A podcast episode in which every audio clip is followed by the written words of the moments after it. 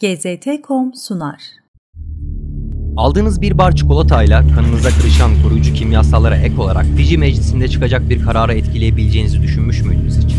Pek çok insan ister marketlerde ister fast food zincirlerinde olsun piyasada bulunan işlenmiş gıdaların çoğunun sadece birkaç şirketten geldiğini farkında değil. Daha da az insan bu şirketlerin sadece gıda satmakla kalmayıp sağlık politikalarına, sosyal politikalara ve ekonomik politikalara karar veren Dünya Ekonomi Forumu ve Dış İlişkiler Konseyi gibi seçkin kuruluşlarda önemli aktörler olduğunu biliyor. Propagandanın bu bölümünde dünyayı besleyen dev şirketlere ve onların şaşırtıcı bağlantılarına bakacağız. Gıda alışverişi için markete gittiğiniz bir gün rafların arasında gezerken paketlenmiş ürünlerin etiketlerine bakarsanız aynı şirket adlarını tekrar tekrar gördüğünüzü fark edeceksiniz. Nestle, Kraft, PepsiCo, Mondelez International, Unilever, Danone ve diğerleri.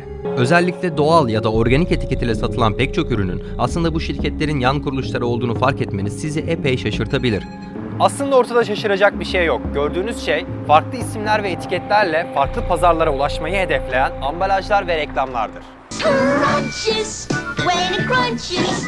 That's why I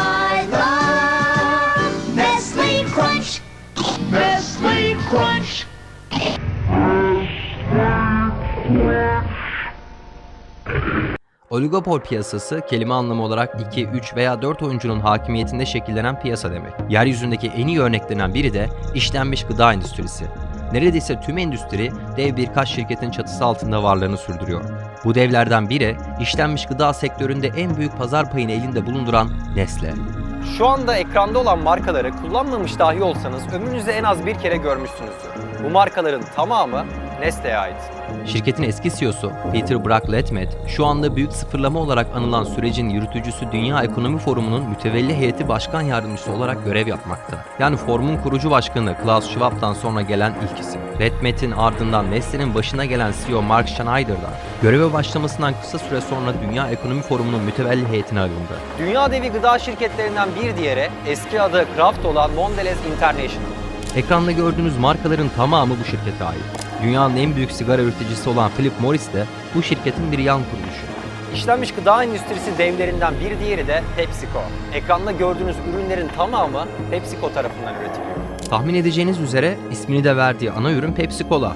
Ancak bu gazlı içecek şirketin tek ürünü değil. Aslında atıştırmalık bir şeyler almak için girdiğiniz herhangi bir marketten 3 veya 4 PepsiCo ürünü alarak çıkmanız son derece olası. PepsiCo ayrıca Yum adında çok büyük bir yan şirkete sahip. Pizza Hut, Taco Bell, KFC ve Hot and Now gibi restoran zincirleri bu yan şirketin çatısı altında. Bu üç şirket tek başına tam olarak hesaplanamamakla birlikte işlenmiş gıda endüstrisinin %50'sini domine ediyor. Diğer yarısında öne çıkan şirketler ve sahip olduğu markalarsa şöyle. Amerika merkezli Coca-Cola, İngiltere merkezli Associated British Foods, Amerika merkezli Kellogg's, Fransa merkezli Danone, Amerika merkezli General Mills, İngiltere merkezli Unilever ve Amerika merkezli Mars. Peki sonuç olarak hangi firmanın hangi ürünü sattığını neden önemsemeliyiz? Öncelikle bu bir sağlık sorunudur. Bu içerikte ekranda gördüğünüz yüzlerce ürünün neredeyse tamamı obezite ve kalp hastalıklarına sebep olan aşırı miktarda doymuş yağdan yüksek fruktozlu mısır şurubuna, Alzheimer, Parkinson ve epilepsiye sebep olan civadan aspartam gibi katkı maddelerine kadar toksik bileşenler içerir.